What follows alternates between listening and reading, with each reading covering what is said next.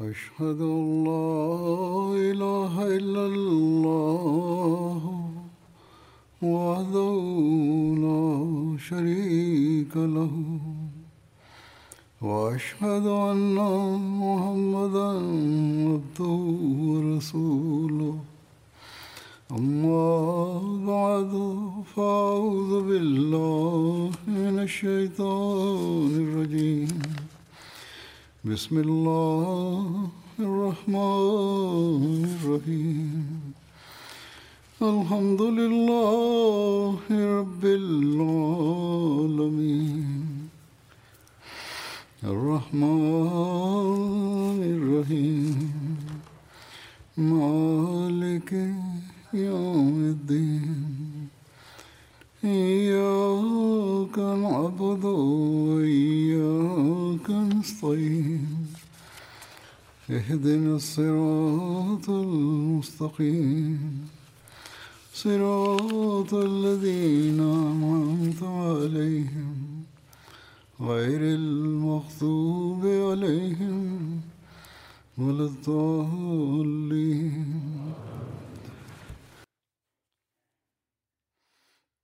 Berkenaan dengan makom, kedudukan, dan keindahan Al-Quranul Karim telah dibahas sejak beberapa minggu terakhir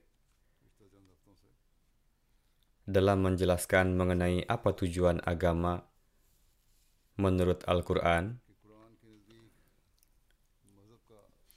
dan apa pengaruhnya pada potensi yang dimiliki manusia dan seperti apa seharusnya Hadrat Masih Maud salam bersabda, pertanyaan berkenaan dengan apa pengaruh agama pada potensi yang dimiliki manusia, Injil tidak memberikan jawaban atas hal ini, karena Injil tidak mengikuti jalan-jalan hikmah, tetapi Al-Quran berulang kali memecahkan permasalahan ini dengan sangat terperinci, bahwa bukanlah ranah agama untuk mengubah potensi alami manusia, dan membuat serigala seperti kambing, yakni membuat yang kuat tampak benar-benar lemah. Melainkan, tujuan utama agama adalah untuk membimbing potensi dan kemampuan yang secara fitrah ada dalam diri manusia, yakni kekuatan yang telah diberikan Allah Ta'ala kepada manusia, sehingga dapat digunakan pada kesempatan yang tepat. Agama tidak memiliki kewenangan untuk merubah suatu potensi alami mana pun. Ya, ia memiliki kewenangan untuk memberikan petunjuk agar digunakan sesuai dengan situasi, dan ia tidak hanya menekankan pada satu potensi saja, misalnya belas kasihan atau sikap memaafkan, melainkan mengajarkan untuk menggunakan semua potensi. Seharusnya tidak mengajarkan untuk hanya menunjukkan belas kasih dan memaafkan, melainkan sesuai dengan keperluan, ia mengajarkan untuk menggunakan potensi yang dibutuhkan pada situasi tersebut. Tujuan sebenarnya adalah untuk islah dan perbaikan. Dan inilah tujuan yang hendaknya berusaha untuk dicapai. Beliau al-Islam bersabda, janganlah menekankan pada belas kasih dan sikap memaafkan, melainkan nasihatkanlah untuk menggunakan seluruh potensi yang ada, karena tidak ada satupun dari potensi manusia yang buruk, melainkan sikap berlebihan dan penyalahgunaanlah yang buruk. Dan seseorang yang tercela, ia tidak menjadi tercela hanya karena potensi alam yang dimilikinya, tetapi karena penyalahgunaannya. Contoh kecilnya sebagai berikut, ada seseorang yang kuat secara fisik, jika dia terus berbuat zalim untuk menunjukkan kekuatannya, atau jika dia memiliki kekuasaan, lalu dia berbuat zalim dan tidak bersikap lemah lembut kepada orang lain. Jika dia tidak menunjukkan kekuatannya sesuai dengan situasi, melainkan untuk membuktikan keunggulannya dan menakut-nakuti, maka orang seperti itu akan dikatakan buruk. Potensi-potensinya itu tidak buruk, tetapi penggunaannya yang buruk, yakni perbuatannya yang buruk. dalam menjelaskan mengenai salah satu tujuan pengutusan beliau alaihissalam untuk membuktikan dan menegakkan kebenaran Al-Quran, beliau alaihissalam bersabda, Memang benar bahwa mereka yang merupakan orang-orang Islam sama sekali tidak memahami Al-Quran, tetapi sekarang Allah berkehendak untuk mewujudkan pemahaman sebenarnya dari Al-Quran. Tuhan telah mengutus saya untuk tujuan ini, dan saya dapat memahami Al-Quran dengan perantaraan ilham dan wahyunya. Al-Quran memiliki ajaran yang sedemikian rupa, sehingga tidak ada keberatan yang dapat diajukan terhadapnya, dan syarat dengan begitu banyak kearifan yang bahkan seorang filsuf pun tidak mendapatkan kesempatan untuk mengajukan keberatan. Kemudian seraya menjelaskan keagungan Al-Quran, beliau alaihissalam memberikan nasihat kepada para anggota jemaat. Renungkanlah Al-Quran, di dalamnya terdapat segala sesuatu. Ia menjelaskan mengenai kebaikan dan keburukan, kabar-kabar mengenai masa depan, dan sebagainya. Fahamilah dengan baik bahwa ia menyajikan agama yang tidak dapat diajukan keberatan terhadapnya, karena keberkatan dan buahnya ditemukan dengan mudah dan terus-menerus. Di dalam Injil, agama tidak dijelaskan secara keseluruhan. Ajarannya mungkin sesuai dengan kondisi zaman itu, akan tetapi ia tidak berlaku untuk segala zaman dan segala kondisi. Ia sesuai untuk zaman ketika Hadrat Isa alaihissalam datang tetapi tidak untuk masa sekarang. Kebanggaan ini adalah milik Al-Quran, bahwa Allah Ta'ala telah memberitahukan di dalamnya obat untuk setiap penyakit dan memberikan bimbingan untuk semua potensi seseorang. Ia juga telah mengajarkan cara untuk menjauhkan keburukan yang dikemukakannya. Oleh karena itu, sering-seringlah membaca Al-Quran dan teruslah berdoa dan berusahalah untuk menjaga perilaku kalian sesuai dengan ajarannya. Seraya menarik perhatian terhadap mentadaburi Al-Quran, lebih lanjut beliau al-Islam bersabda, Seseorang harus menjauhkan diri dari adat istiadat buruk dan bid'ah-bid'ah. Jika tidak, secara bertahap hal tersebut mulai masuk ke dalam ajaran Islam atau syariah. Cara yang lebih baik adalah waktu yang ia habiskan untuk wirid-wirid semacam itu, pergunakanlah untuk merenungkan Al-Quran. Orang-orang menginginkan agar mereka diajari wirid-wirid tertentu, dan atau beberapa kata singkat sehingga mereka bisa menghabiskan waktu untuk melafalkannya. Beliau alaihissalam bersabda bahwa hal ini tidak boleh terjadi. Bahkan seseorang harus menghabiskan waktu mereka untuk memberikan perhatian pada Al-Quran. Sebagian orang menghabiskan waktu dalam wirid-wirid, dan mereka yang melakukan itu bahkan tidak tahu arti dari wirid-wirid dan zikir-zikir yang mereka ucapkan, dan menganggap bahwa itu adalah satu-satunya cara untuk meningkatkan kerohanian mereka. Beliau alaihissalam bersabda,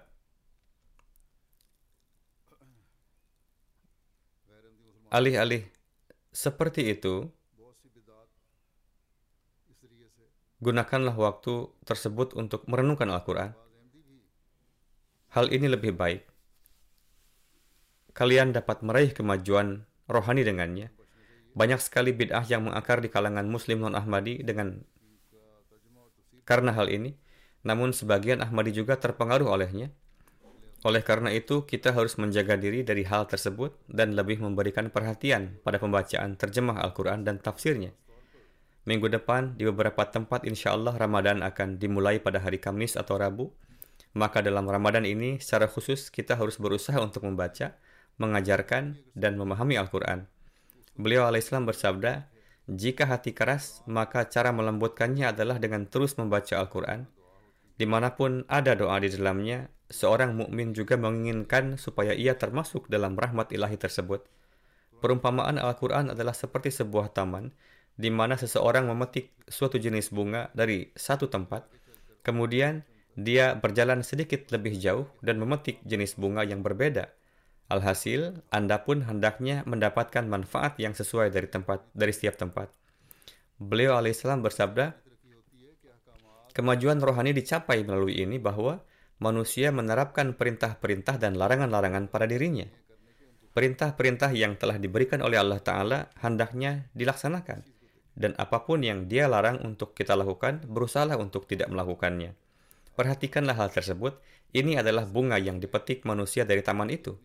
Beliau al-Islam lebih lanjut bersabda, beberapa orang yang percaya bahwa mereka sangat unggul dalam pengetahuan agama mereka telah melangkah begitu jauh sehingga berkenaan dengan surah-surah tertentu dalam Al-Quran, Hadrat Masih Islam memberikan contoh surah Yasin.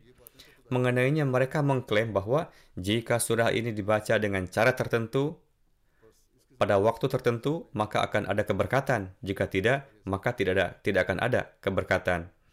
Pernyataan-pernyataan seperti ini seolah-olah mereka mengaku sebagai Tuhan. Alhasil, kita hendaknya secara khusus menghindarkan diri dari hal-hal semacam ini. Dalam menjelaskan bahwa ada dua cara seseorang bisa gagal memahami makna sebenarnya, jadi entah mereka tidak mengamalkan sepenuhnya, atau mereka tidak beramal sesuai dengan makna sebenarnya. Dalam menjelaskan hal ini, beliau alaihissalam bersabda, ada dua cara di mana seseorang gagal mengamalkan Al-Quran. Yang pertama adalah meninggalkannya sepenuhnya, dan yang kedua adalah mengabaikan makna aslinya. Meninggalkan Al-Quran sama sekali berarti tidak membaca firman Tuhan sama sekali. Sama seperti banyak orang yang disebut Muslim, tetapi mereka sama sekali tidak mengetahui teks Al-Quran. Cara kedua adalah bahwa meskipun mereka membaca Al-Quran, tetapi mereka tidak percaya pada berkah, cahaya rohani, dan rahmat yang terkandung di dalamnya. Jadi, jika seseorang melakukan satu, salah satu dari dua praktik ini, maka harus berusaha untuk menghindarinya. Ada perkataan Imam Jafar dan Allah Maha mengetahui kebenarannya, di mana beliau menyatakan bahwa saya membaca Al-Quran begitu banyak sehingga saya mulai menerima wahyu Hadrat Masih Islam menjelaskan bahwa Allah Ta'ala lebih mengetahui apakah beliau mengatakan ini atau tidak dan seberapa benar itu. Tetapi, pernyataan itu tetap rasional karena hal-hal yang termasuk jenis yang sama menarik satu sama lain. Sekarang di masa ini, orang-orang telah menambahkan penjelasan yang tak terhitung jumlahnya. Syiah memiliki penjelasan mereka sendiri, dan Sunni memiliki penjelasan mereka sendiri, Hadrat Masih Maud Islam menjelaskan dengan menceritakan sebuah kejadian bahwa suatu kali seorang Syiah berkata kepada ayah saya bahwa aku akan memberitahumu kalimat tertentu, baca saja itu, dan kemudian kamu tidak perlu untuk mensucikan diri atau melakukan wudhu. Dengan kata lain, kalimat itu saja sudah cukup, dan itu akan menggantikan toharoh dan wudhunya. Hadrat Masih Maud Islam menyatakan kekafiran, bid'ah, kemurtadan, dan penolakan terhadap Tuhan dan lain-lain telah menemukan jalan mereka di dalam Islam karena kata-kata dari satu orang dianggap penting sebagaimana seharusnya diberikan kepada firman Tuhan. Inilah sebabnya mengapa para sahabat radhiyallahu anhum meyakini hadis memiliki status yang lebih rendah dari Al-Quran. Hadrat Masih Maud menceritakan sebuah kejadian bahwa Suatu ketika Hadrat Umar hendak membuat keputusan ketika seseorang wanita tua bangun dan mengatakan bahwa hal ini dan itu tertulis dalam sebuah hadis. Dengan kata lain, dia menisbahkan pernyataannya kepada Nabi Shallallahu Alaihi Wasallam. Perlu diingat bahwa meskipun hadis disusun kemudian, namun beberapa sahabat kadang-kadang menuliskannya pada waktu itu juga. Hadrat Masih Maud Islam melanjutkan kisah tersebut. Atas hal ini, Hadrat Umar Dalawanhu mengatakan bahwa saya tidak meninggalkan kitabullah untuk seorang wanita tua.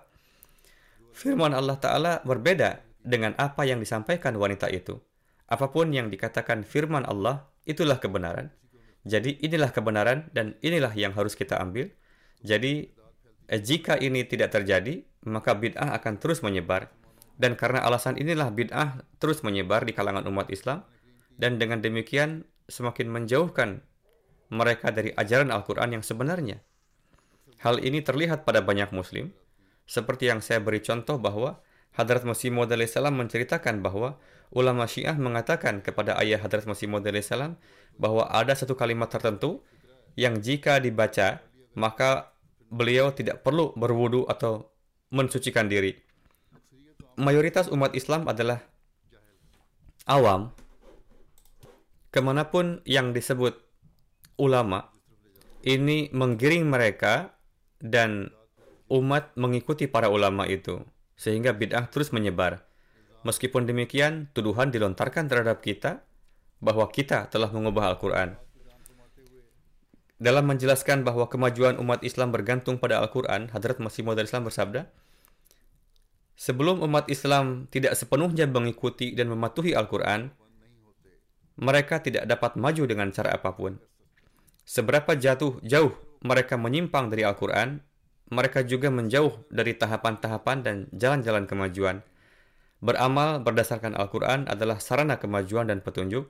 Allah Ta'ala tidak melarang seseorang dari perdagangan, pertanian, dan mata pencaharian yang halal, tetapi hal itu tidak boleh dianggap sebagai tujuan itu sendiri. Sebaliknya, mereka harus diposisikan sebagai sarana untuk mengkhidmati agama. Tujuan zakat adalah sama, bahwa kekayaan ini adalah khadim atau pelayan bagi agama. Oleh karena itu, seorang mukmin hendaknya tidak menjadikan pengejaran materi duniawi sebagai tujuan hidupnya, melainkan tujuan hidup yang telah digariskan oleh Allah Ta'ala bagi umat manusia harus menjadi tujuan utamanya, yaitu berjuang untuk menjadi seorang hamba sejati dan terus berjuang untuk mengamalkan perintah-perintahnya. Perintah menunaikan zakat dan membelanjakannya di jalan Allah telah diberikan agar seseorang tidak hanya membelanjakan hartanya untuk memenuhi keinginannya sendiri, tetapi juga membelanjakannya untuk kemajuan agama dan memenuhi hak-hak Allah dan hak-hak dari ciptaannya. Hadrat Musi Maud salam menyatakan,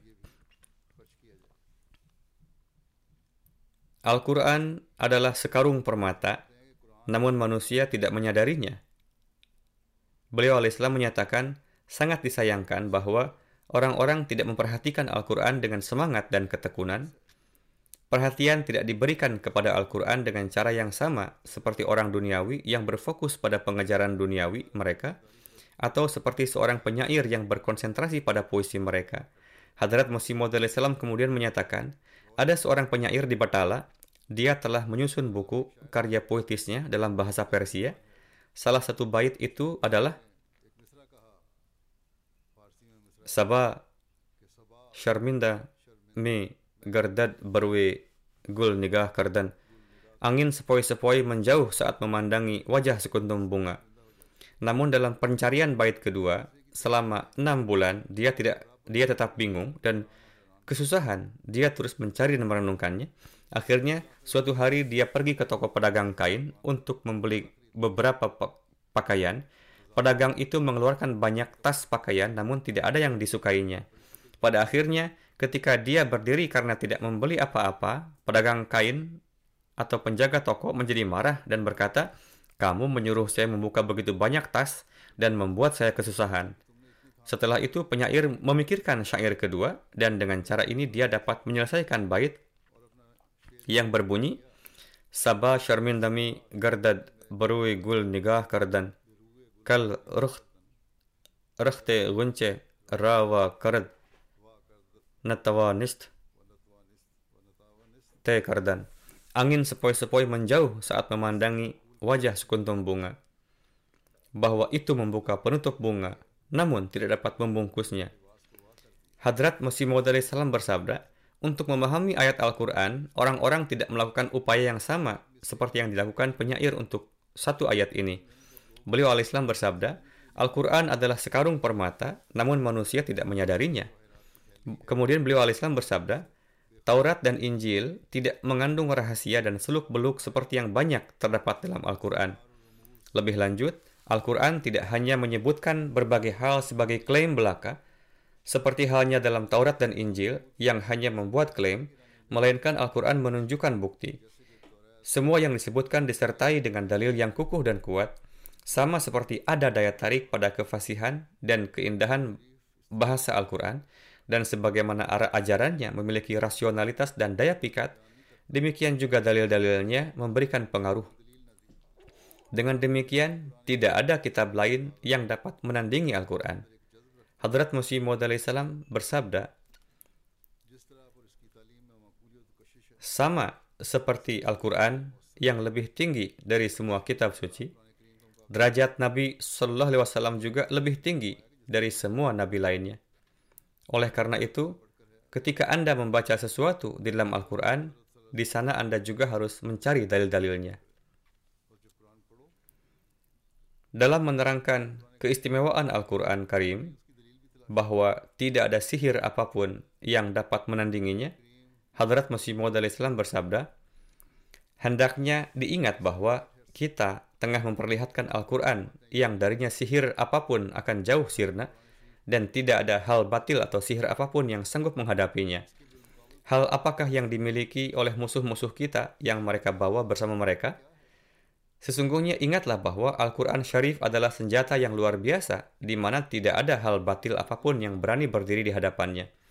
Inilah alasannya mengapa tidak ada pengikut kebatilan yang sanggup bertahan menghadapiku dan jemaatku, dan mereka menolak untuk duduk berdiskusi. Ini adalah senjata samawi yang sama sekali tidak akan dapat dikalahkan. Jadi, hal ini menanamkan perhatian kita untuk banyak merenungi dan mentadaburi Al-Quran Karim demi meningkatkan mutu kerohanian dan keilmuan kita – dan untuk menyanggah tuduhan para penentang. Dalam menjelaskan bahwa dengan mengikuti Al-Quran, maka akan mendapatkan Allah Ta'ala dengan syarat kepatuhan yang seutuhnya kepada Al-Quran Karim. Beliau al-Islam bersabda, hanya ada satu Rasul kita, Sallallahu Alaihi Wasallam, dan hanya ada satulah kitab, yaitu Al-Quran Syarif, yang turun pada Rasul mulia itu, yang dengan mengikutinya kita dapat meraih Tuhan. Dewasa ini terdapat tarekat-tarekat yang ditempuh oleh mereka yang menyebut dirinya ulama fakir, dan terdapat saifi yang dimiliki para ulama penerus wali, atau saifi adalah mantra dan doa-doa yang dibacakan hingga 40 hari tanpa henti untuk mencelakakan orang lain. Beliau bersabda, bacaan-bacaan atau doa-doa dan puji-pujian buruk buatan mereka ini, semua ini adalah alat yang menyingkirkan manusia dari jalan yang lurus. Maka dari itu, kalian hindarilah ini. Mereka itu hendak merusak stempel Khatamul Anbiya milik baginda Rasulullah SAW, seolah mereka telah membuat syariat mereka sendiri. Ingatlah oleh kalian bahwa tanpa mengikuti firman Al-Quran Syarif serta sabda Rasulullah SAW, tanpa melaksanakan salat, puasa, dan hal-hal lain yang disunnahkan, maka sungguh tidak akan ada lagi kunci untuk membuka pintu-pintu karunia dan keberkatan Tuhan.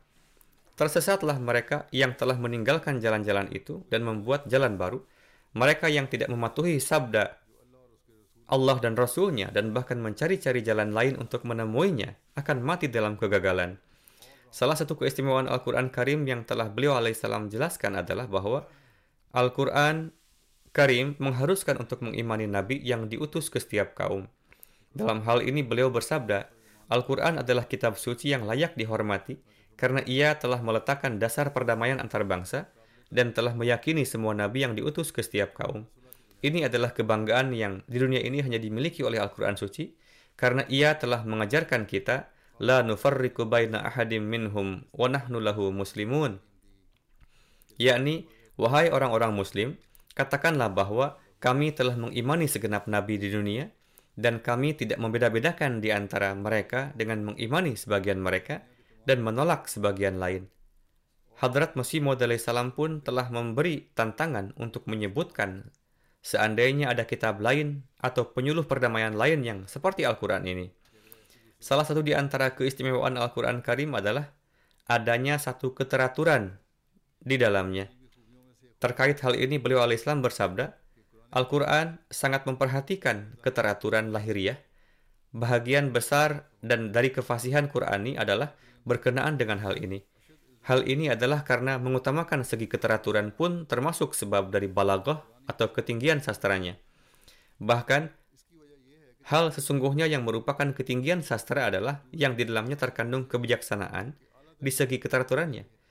Seseorang yang di dalam ucapannya tidak terkandung suatu keteraturan atau kurang, kita sama sekali tidak menyebutnya fasih dan balik.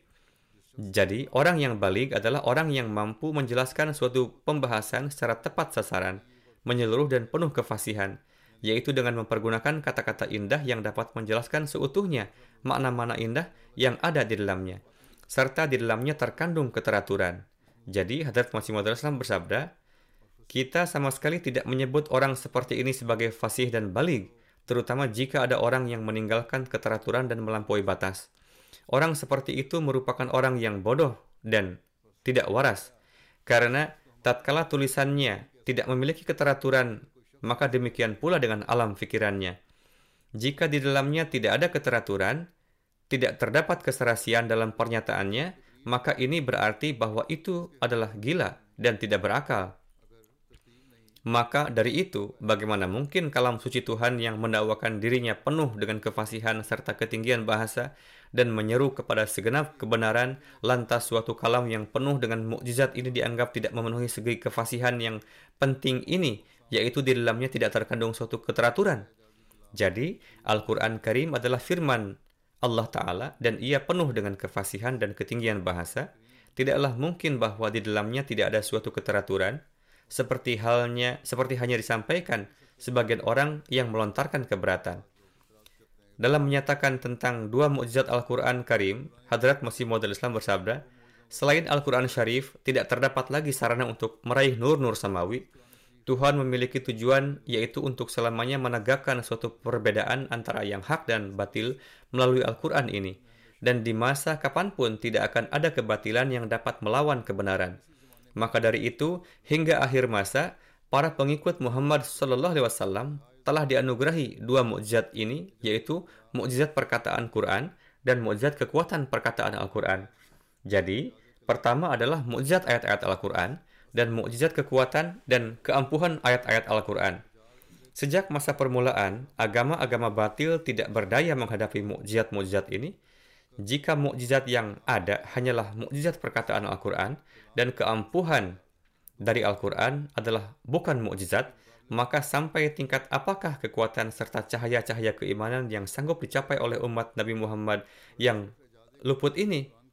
Hal ini dikarenakan bahwa sikap zuhud, penuh kerendahan dan kesalehan yang ada di umat ini tidak sanggup memperlihatkan kemukjizatan. Sesungguhnya ajaran Al-Quran Karim memberikan kekuatan-kekuatan jika ia dimiliki secara seutuhnya. Kemudian tentang mengikuti Al-Quran suci, maka akan zahir suatu pengaruh najat keselamatan di dalam jiwa. Hadrat Masih Maud Islam bersabda, Al-Quran Syarif yang merupakan sumber dari ketaatan kepada Hadrat Rasulullah SAW adalah satu kitab suci yang dengan mengikutinya, maka buah dari najat keselamatan akan zahir baginya di dunia ini juga. Karena inilah satu-satunya kitab yang baik dalam corak zahir maupun batin, dapat menjadikan jiwa-jiwa yang penuh kelemahan menuju tingkat kesempurnaan dan menganugerahkan kebebasan dari segenap keraguan dan kebimbangan. Jiwa-jiwa yang lemah adalah orang-orang yang terdapat kekurangan di dalamnya. Kitab ini tidak hanya menjauhkannya dari kelemahan dan kekurangannya, Al-Quran Karim ini bahkan juga membawanya hingga tingkat yang luhur. Beliau al-Islam bersabda, Secara lahiriah, tampak bahwa penjelasan Al-Quran mencakup segenap hakikat dan hal-hal yang mendalam, yakni Al-Quran memberi sanggahan sesuai nalar terhadap betapapun banyaknya keraguan-raguan yang ada di dunia, yang dapat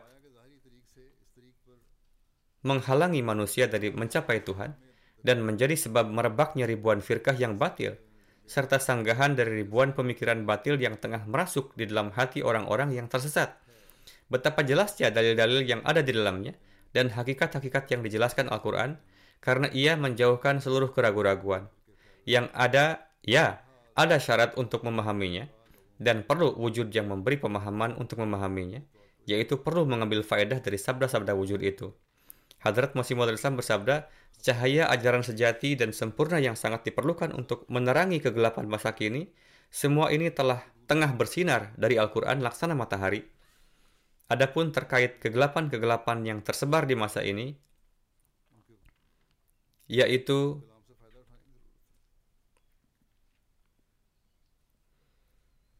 terjauhnya manusia dari agama, ketidaksesenonohan, perbuatan-perbuatan sia-sia, dan jauhnya manusia dari Allah Ta'ala, maka kembalilah kepada Al-Quran Karim demi menjauhkan segenap kegelapan ini dan meraih cahaya itu, karena segalanya ada di dalamnya. Beliau al-Islam bersabda, ini semua tengah bersinar dari darinya laksana matahari. Ia bersinar cemerlang seperti matahari dan di dalamnya terkandung obat bagi segenap penyakit yang bersumber dari nafsu. Ia penuh dengan penjelasan seluruh ma'rifat yang hakiki dan tidak ada suatu ilmu ilahi yang harus yang halus sekalipun yang akan zahir kelak di suatu masa namun tidak tertera di dalamnya. Adapun secara batiniah adalah bahwa mematuhi Al-Quran secara sempurna akan sedemikian rupa mensucikan di hati. ini mengandung syarat mengikutinya secara sempurna. Jalan ini akan sedemikian rupa mensucikan hati, yaitu manusia menjadi sama sekali suci dari segenap kekotoran yang ada di dalam dirinya dan akan dapat meraih ikatan dengan wujud yang maha luhur, yaitu akan terjalin suatu hubungan dengan Allah Ta'ala. Cahaya-cahaya kemakbulan akan muncul dalam dirinya, dan karunia-karunia ilahiyah akan sedemikian rupa menaungi dirinya, sehingga tatkala ia berdoa di waktu-waktu kesulitan, maka dari karunia dan rahmat sempurnanya, yakni kasih sayang dan belas kasih besar dari Allah Ta'ala, Tuhan yang maha mulia pun mengabulkannya.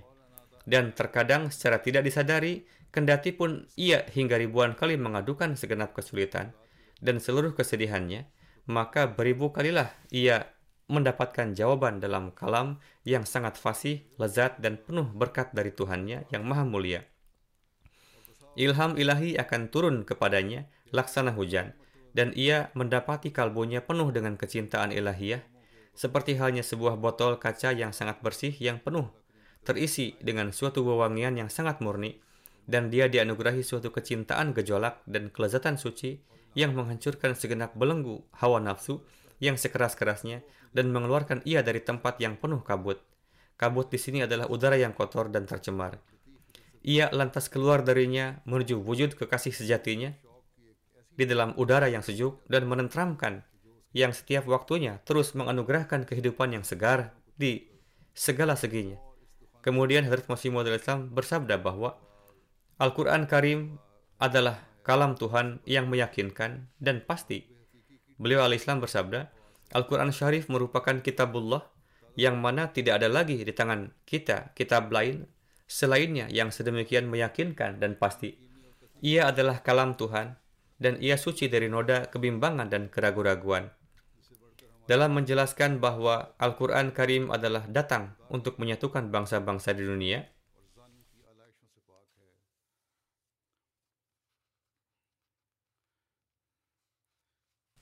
Beliau al-Islam bersabda, Tuhan pertama-tama menurunkan pedoman secara terpisah-pisah kepada setiap umat, Kemudian dia menghendaki bahwa sebagaimana Tuhan adalah Esa, maka manusia pun hendaknya menjadi satu. Maka dari itu Tuhan mengirim Al-Quran demi menyatukan semuanya. Dan dia mengabarkan bahwa akan datang suatu masa di mana Tuhan akan menjadikan seluruh kaum menjadi satu kaum. Seluruh negeri menjadi satu negeri, dan seluruh bahasa menjadi satu bahasa. Sebagian orang mengatakan bahwa mengapa muncul banyak agama. Hal ini dikarenakan karena daya fikir, kesadaran, dan sarana-sarana mereka adalah terbatas untuk zaman mereka itu.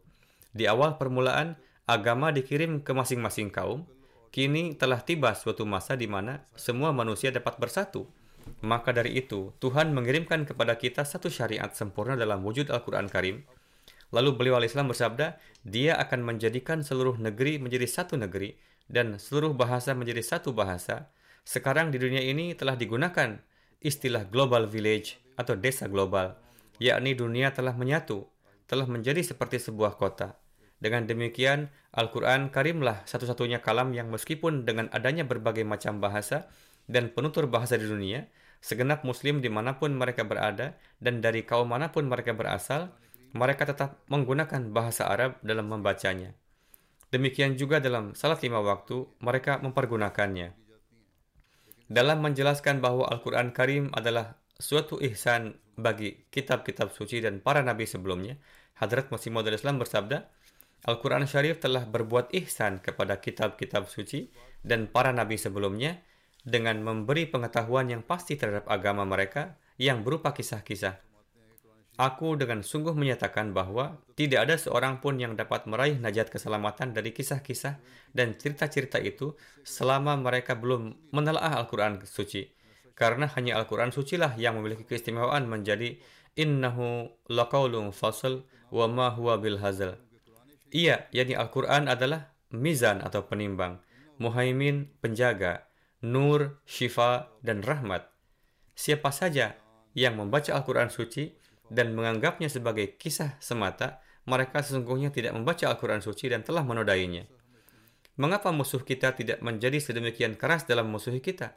Hal ini semata-mata karena kita ingin memperlihatkan sebagaimana firman Allah Ta'ala bahwa Al-Quran tiada lain melainkan nur, hikmat dan ma'rifat, Dan karena kita berupaya bahwa Al-Quran Syarif tidaklah hanya sebatas suatu kisah belaka, kita tidak sanggup membiarkan hal ini terjadi. Allah Ta'ala dengan karunia-Nya telah menyingkapkan kepada kita bahwa Al-Quran Syarif adalah satu kitab suci yang hidup dan bersinar. Maka dari itu, mengapa kita harus menghiraukan permusuhan mereka?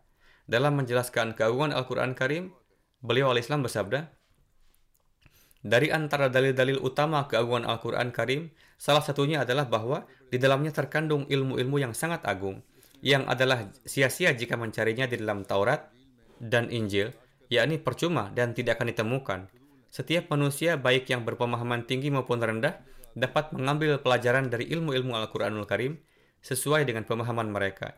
Alhasil, setiap orang hendaknya terbiasa untuk merenungi makna-makna dan maksud-maksud yang ada di dalam Al-Quran, supaya kita pun dapat mengetahui keindahan kalam Allah Ta'ala. Berkenaan dengan perintah-perintah dan larangan Al-Quran Karim, Hadrat Masih Maud Islam bersabda, di dalam Al-Quran Syarif, dari awal hingga akhir, tertera rincian perintah-perintah dan larangan-larangan ilahi, dan di dalamnya telah diterangkan beratus-ratus cabang tentang berbagai jenisnya. Di satu tempat, beliau al-Islam bersabda bahwa hendaknya hal itu dicari saat kita menilawatkan Al-Quran, lalu hendaknya hal itu dijadikan sebagai bagian dari kehidupan kita. Jika demikian, barulah kita dapat meraih karunia hakiki dari kalam Allah Ta'ala. Dalam menjelaskan keindahan Al-Quran Karim, di satu tempat Hadrat Masih Islam bersabda, hendaknya dimaklumi bahwa Al-Quran Karim adalah kalam ilahi yang sungguh meyakinkan dan pasti, yang di dalamnya tidak ada hingga setitik dan segaris pun yang berasal dari manusia, dan ia sungguh merupakan kalam Allah Ta'ala dalam segenap kata dan maknanya – dan adalah kewajiban bagi golongan Islam mana pun untuk mengimaninya, yakni mereka tidak akan selamat kecuali dengan mengimaninya. Setiap ayatnya mengandung suatu keteraturan yang bermutu tinggi, dan ini adalah dan ia adalah wahyu matlu, yakni wahyu yang berkali-kali dibacakan. Kata demi katanya telah diperhitungkan. Di samping kemukjizatannya, ia pun terjaga dari pengubahan dan penggantian. Pengaturan yang ada di dalamnya pun adalah suatu mukjizat yaitu tidak akan mungkin ada suatu perubahan di dalamnya. Jadi, bagaimana bisa dikatakan bahwa telah ada suatu perubahan di dalam Al-Quran Karim? Seandainya ini terjadi, Al-Quran menjadi tidak lagi berada dalam bentuk aslinya, dan kandungan aslinya pun berubah. Kemudian dalam menjelaskan kedalaman lafaz-lafaz Al-Quran Karim dan keistimewaan makna-maknanya, Hadrat Masih Maulid bersabda, Seluk-beluk dan hikmah Al-Quran serta hakikat dan kebenaran yang tersembunyi di dalamnya terungkap sesuai dengan kebutuhan zaman. Misalnya di masa sekarang yang kita lalui, kebenaran Al-Quran yang diwahyukan berbeda dengan kekuatan penyesat Dajjali yang ada saat ini. Sedangkan orang-orang sebelumnya tidak menghadapi tantangan dari kekuatan penyesat tersebut. Itulah mengapa kebenaran Al-Quran yang berkaitan dengannya tetap tidak jelas dari mereka, tetapi telah diwahyukan kepada kami. Seseorang dapat mempelajari materi pelajaran dalam Al-Quran sesuai dengan kebutuhan zaman. Dulu kebutuhannya berbeda, jadi tafsir yang ditulis di masa lalu adalah untuk zamannya masing-masing, tafsir Al-Quran yang disusun saat ini adalah untuk zaman sekarang. Semua pengetahuan ini berasal dari dalam Al-Quran itu sendiri, dan penafsiran didasarkan pada itu. Hanya dengan merenungkan kata-kata Al-Quran, maknanya akan menjadi jelas. Dengan demikian, hanya kitab semacam ini yang dapat bertahan hingga kiamat, di mana seseorang dapat memperoleh maknanya sesuai dengan kondisi zaman.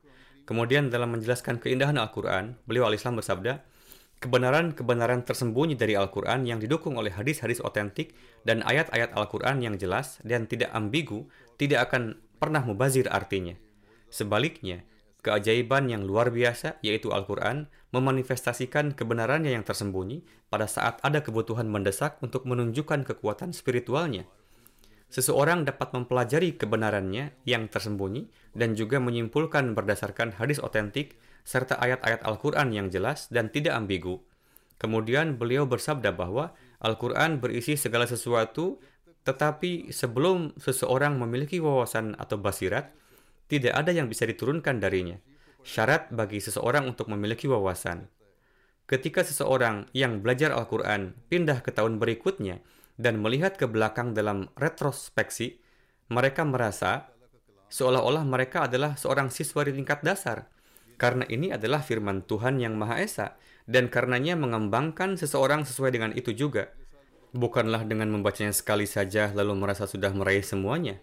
Sebaliknya, ketika seseorang beralih dari satu tahun ke tahun berikutnya dan kemudian mulai merenungkan Al-Quran lagi, mereka memahami bahwa apa yang mereka pelajari sebelumnya mirip dengan studi dasar dan hal-hal dasar yang mereka pahami.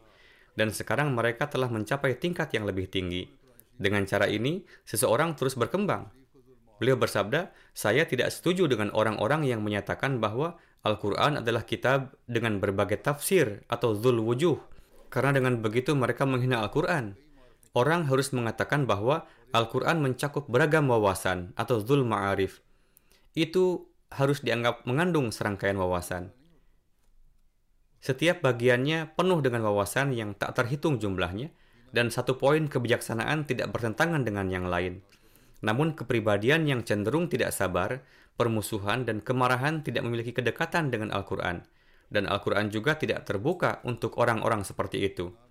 Kebenaran tersembunyi dari Al-Quran diungkapkan kepada mereka yang merenungkan maknanya, mensucikan diri, dan mencari perlindungan Allah Ta'ala. Selanjutnya, itu diberikan kepada mereka yang berdoa untuk diajarkan maknanya.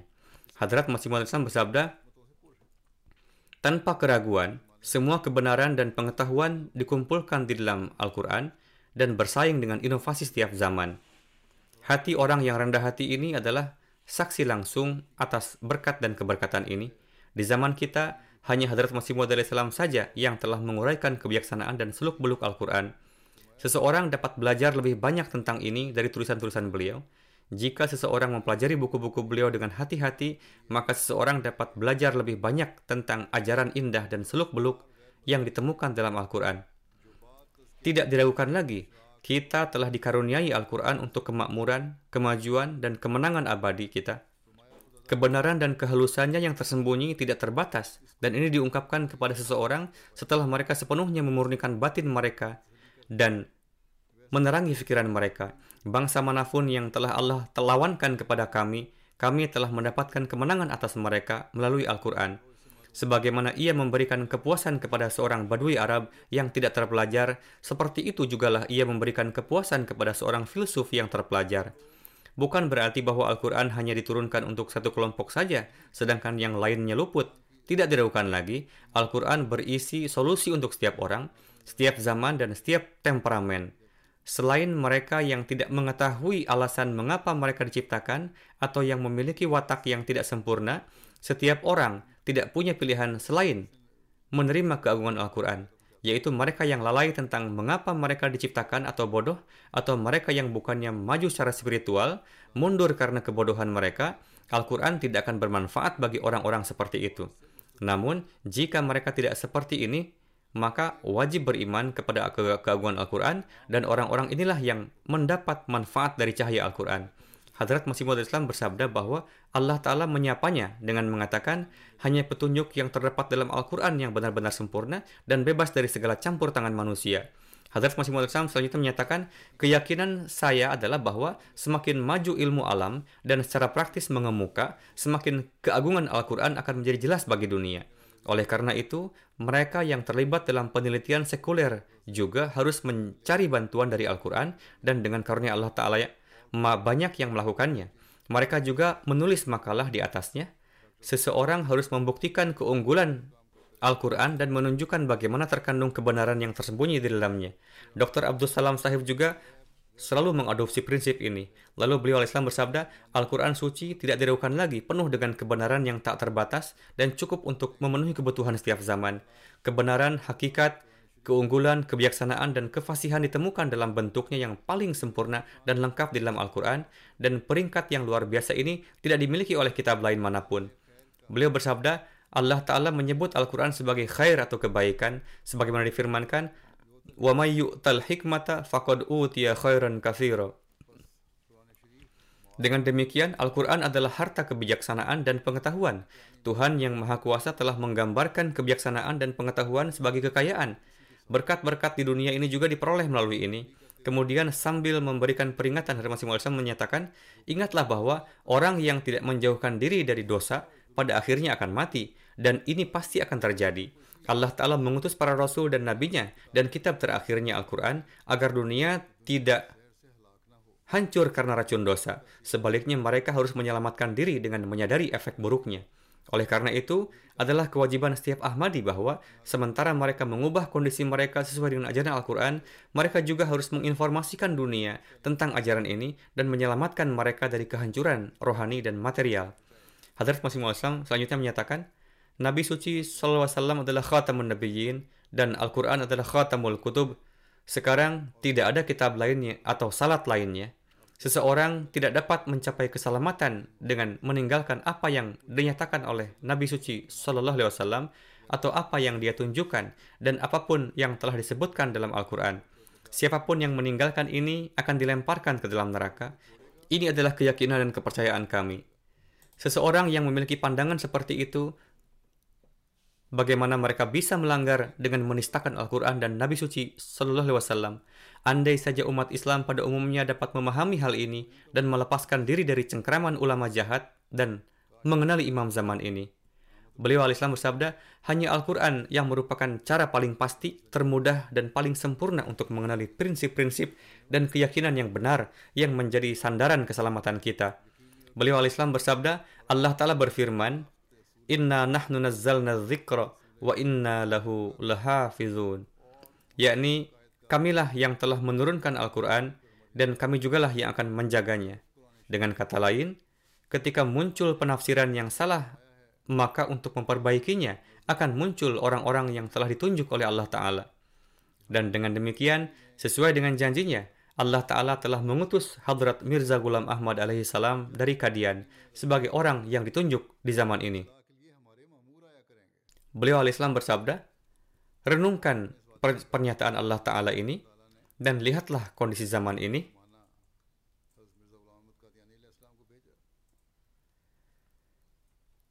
Orang-orang dari agama lain menarik Anda menjauh dari agama Anda melalui tipu muslihat mereka. Namun Anda melabeli Al-Masih dan Mahdi sebagai Dajjal dan mencoba menjauhkan umat Islam darinya. Hadrat Masih Maud salam menyatakan bahwa mereka seharusnya tidak hanya melihat fakta bahwa Hadrat Masih Maud salam telah muncul dan membuat klaim. Lihatlah juga kondisi zaman. Ini adalah awal abad ini. Ada serangan dari luar terhadap Islam dan kemudian lihatlah perilaku umat Islam lalu renungkanlah apakah dalam keadaan seperti itu Dajjal ataukah Al-Mahdi dan Al-Masih yang diperlukan.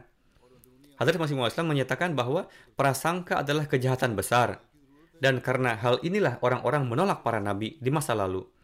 Semoga Allah Ta'ala memberikan akal sehat kepada segenap umat Islam untuk dapat memahami. Dalam menjelaskan berbagai keistimewaan Al-Quran Karim, beliau al-Islam bersabda, Siapa pun yang mempelajari Al-Quran akan menemukan bahwa dari awal hingga akhir, Al-Quran memberikan dua jenis kesaksian, kesaksian akal dan kesaksian wahyu. Dalam Al-Quran, keduanya seperti dua aliran besar yang berjalan secara paralel dan saling mempengaruhi satu sama lain, yakni berjalan beriringan, berjalan sejajar satu sama lain, dan memberikan pengaruh. Tujuan Al-Quran adalah untuk mengubah mereka yang memiliki sifat kebinatangan menjadi manusia, dan kemudian mengangkat mereka dari manusia menjadi memiliki kualitas akhlak, dan kemudian dari manusia yang berakhlak baik menjadi orang yang bertakwa. Dan kami menemukan bahwa di antara orang-orang Arab, tujuan ini tercapai dengan cara yang paling baik. Beberapa tahun lalu, seorang Yahudi sendiri mengatakan kepada saya bahwa saya bukan seorang Muslim, tetapi saya meyakini secara pasti bahwa Nabi Muhammad SAW adalah Rasul karena kondisi orang Arab Badui pada masa itu dan bagaimana terjadinya perubahan yang revolusioner dalam diri mereka. Ini hanya bisa dilakukan oleh seorang Rasul. Tidak ada orang biasa yang bisa melakukannya. Yang bisa melakukannya hanya orang yang mendapat dukungan dari Allah Ta'ala. Seseorang tercengang ketika mereka merenungkan Al-Quran karena Nabi Suci Shallallahu Alaihi Wasallam yang bahkan tidak bisa membaca atau menulis, tidak hanya menyampaikan kitab suci dan memberikan kebijaksanaan, tetapi beliau juga mengungkapkan cara mensucikan jiwa sedemikian rupa sehingga dibawa ke tahap di mana ayyadahum biruhim minhu dia telah meneguhkannya dengan ilham dari dia sendiri. Menyampaikan hingga ke sana. Renungkanlah dengan hati-hati Al-Quran, karena itu menuntun semua jenis pencari ketujuan mereka dan memuaskan semua orang yang haus akan kebenaran. Hadrat Masih Maud Islam selanjutnya menyatakan, walaupun semua wahyu sebelumnya diturunkan untuk memberikan keyakinan kepada manusia dalam iman kepada Tuhan, namun Al-Quran telah meletakkan dasar untuk memberikan tingkat keyakinan yang luar biasa ke tingkat tertinggi. Untuk memastikan anggota jemaatnya benar-benar mematuhi ajaran Al-Quran. Hadrat Masih Maud salam memasukkan ini sebagai bagian dari syarat bayat. Syarat bayat keenam berbunyi, akan berhenti dari adat yang buruk dan dari menuruti hawa nafsu dan benar-benar akan menjunjung tinggi perintah Al-Quran suci di atas dirinya. Firman Allah dan sabda Rasulnya itu akan menjadi pedoman baginya dalam tiap langkahnya. Namun para ulama jahat yang sama sekali tidak memiliki pemahaman masih menuduh bahwa kami telah mengubah Al-Quran. Hadrat Masih Maud Islam bersabda, kita tidak diberikan kewenangan untuk mengubah komposisi dan menambah nama kata ke dalam ayat mana pun pada kalam ilahi, kita tidak dapat mengubahnya dan juga tidak dapat menciptakan perubahan, tidak juga dapat menambah nama atau mengurangi, dan tidak memiliki kewenangan untuk mengadakan suatu jenis kalimat, kecuali jika perbuatan tersebut pernah dicontohkan oleh Rasulullah SAW sendiri dan terbukti bahwa Rasulullah SAW sendiri pernah memodifikasi. Ya, jika memang terbukti bahwa Rasulullah pernah melakukan demikian, maka dibenarkan jika memang terbukti bahwa Rasulullah melakukan demikian dan terbukti bahwa Rasulullah sendiri pernah menciptakan perubahan, selama itu dapat dibuktikan, selama hal itu tidak terbukti, kita tidak diizinkan untuk menambahkan hiasan, merusak komposisinya, dan kita juga tidak dapat menambahkan kata ke dalamnya. Jika melakukan demikian, maka dalam pandangan Allah akan tergolong sebagai pendosa dan layak mendapatkan hukuman. Alhasil, ketika Hadrat Masih Maud Islam sendiri membantah segala jenis distorsi dan perubahan dalam Al-Quran, dan setelah membantah, beliau mengumumkan bahwa jika seandainya kami melakukan demikian, berarti kami adalah pendosa dan patut dihukum di hadapan, Allah Ta'ala. Dalam pandangan Allah pun layak untuk dicengkeram. Namun, orang-orang yang melontarkan tuduhan ini kepada kami, mereka menganggap diri mereka lebih hebat dari Allah Ta'ala, yakni sekalipun Allah Ta'ala tidak menetapkan kami sebagai pelanggar, namun para ulama penentang ini menuduh kami sebagai pelanggar dan berhasrat untuk menghukum kami yang mana saat ini mereka terus menggembar-gemborkan hal itu. Semoga Allah Ta'ala melindungi setiap Ahmadi dari kejahatan mereka dan mengembalikan kejahatan mereka kepada mereka. Semoga Allah Ta'ala memberikan taufik kepada kita untuk dapat memahami Al-Quran dalam makna hakiki dan mengamalkannya. Doakanlah untuk para Ahmadi di Pakistan dan untuk situasi umum di Pakistan. Doakan juga untuk para Ahmadi di Burkina Faso dan untuk situasi negara secara umum. Doakanlah untuk para Ahmadi di Bangladesh. Semoga Allah Ta'ala melindungi mereka juga. Di sana hari ini mungkin para ulama penentang di Bangladesh ingin membuat kerusuhan lagi. Berdoalah untuk para Ahmadi di Pakistan dan di setiap negara di dunia Ramadan juga tidak lama lagi akan dimulai.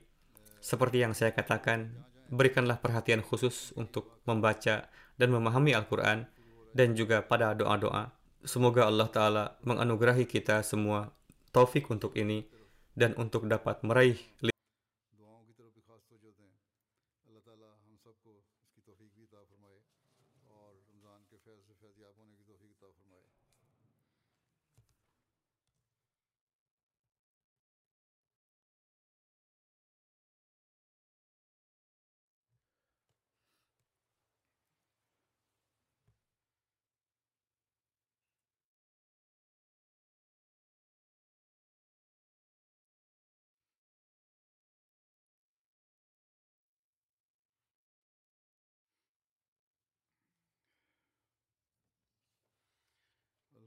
الله الحمد لله نحمده ونستعينه ونستغفره ونؤمن به ونتوكل عليه ونعوذ بالله من شرور أنفسنا ومن سيئات أعمالنا.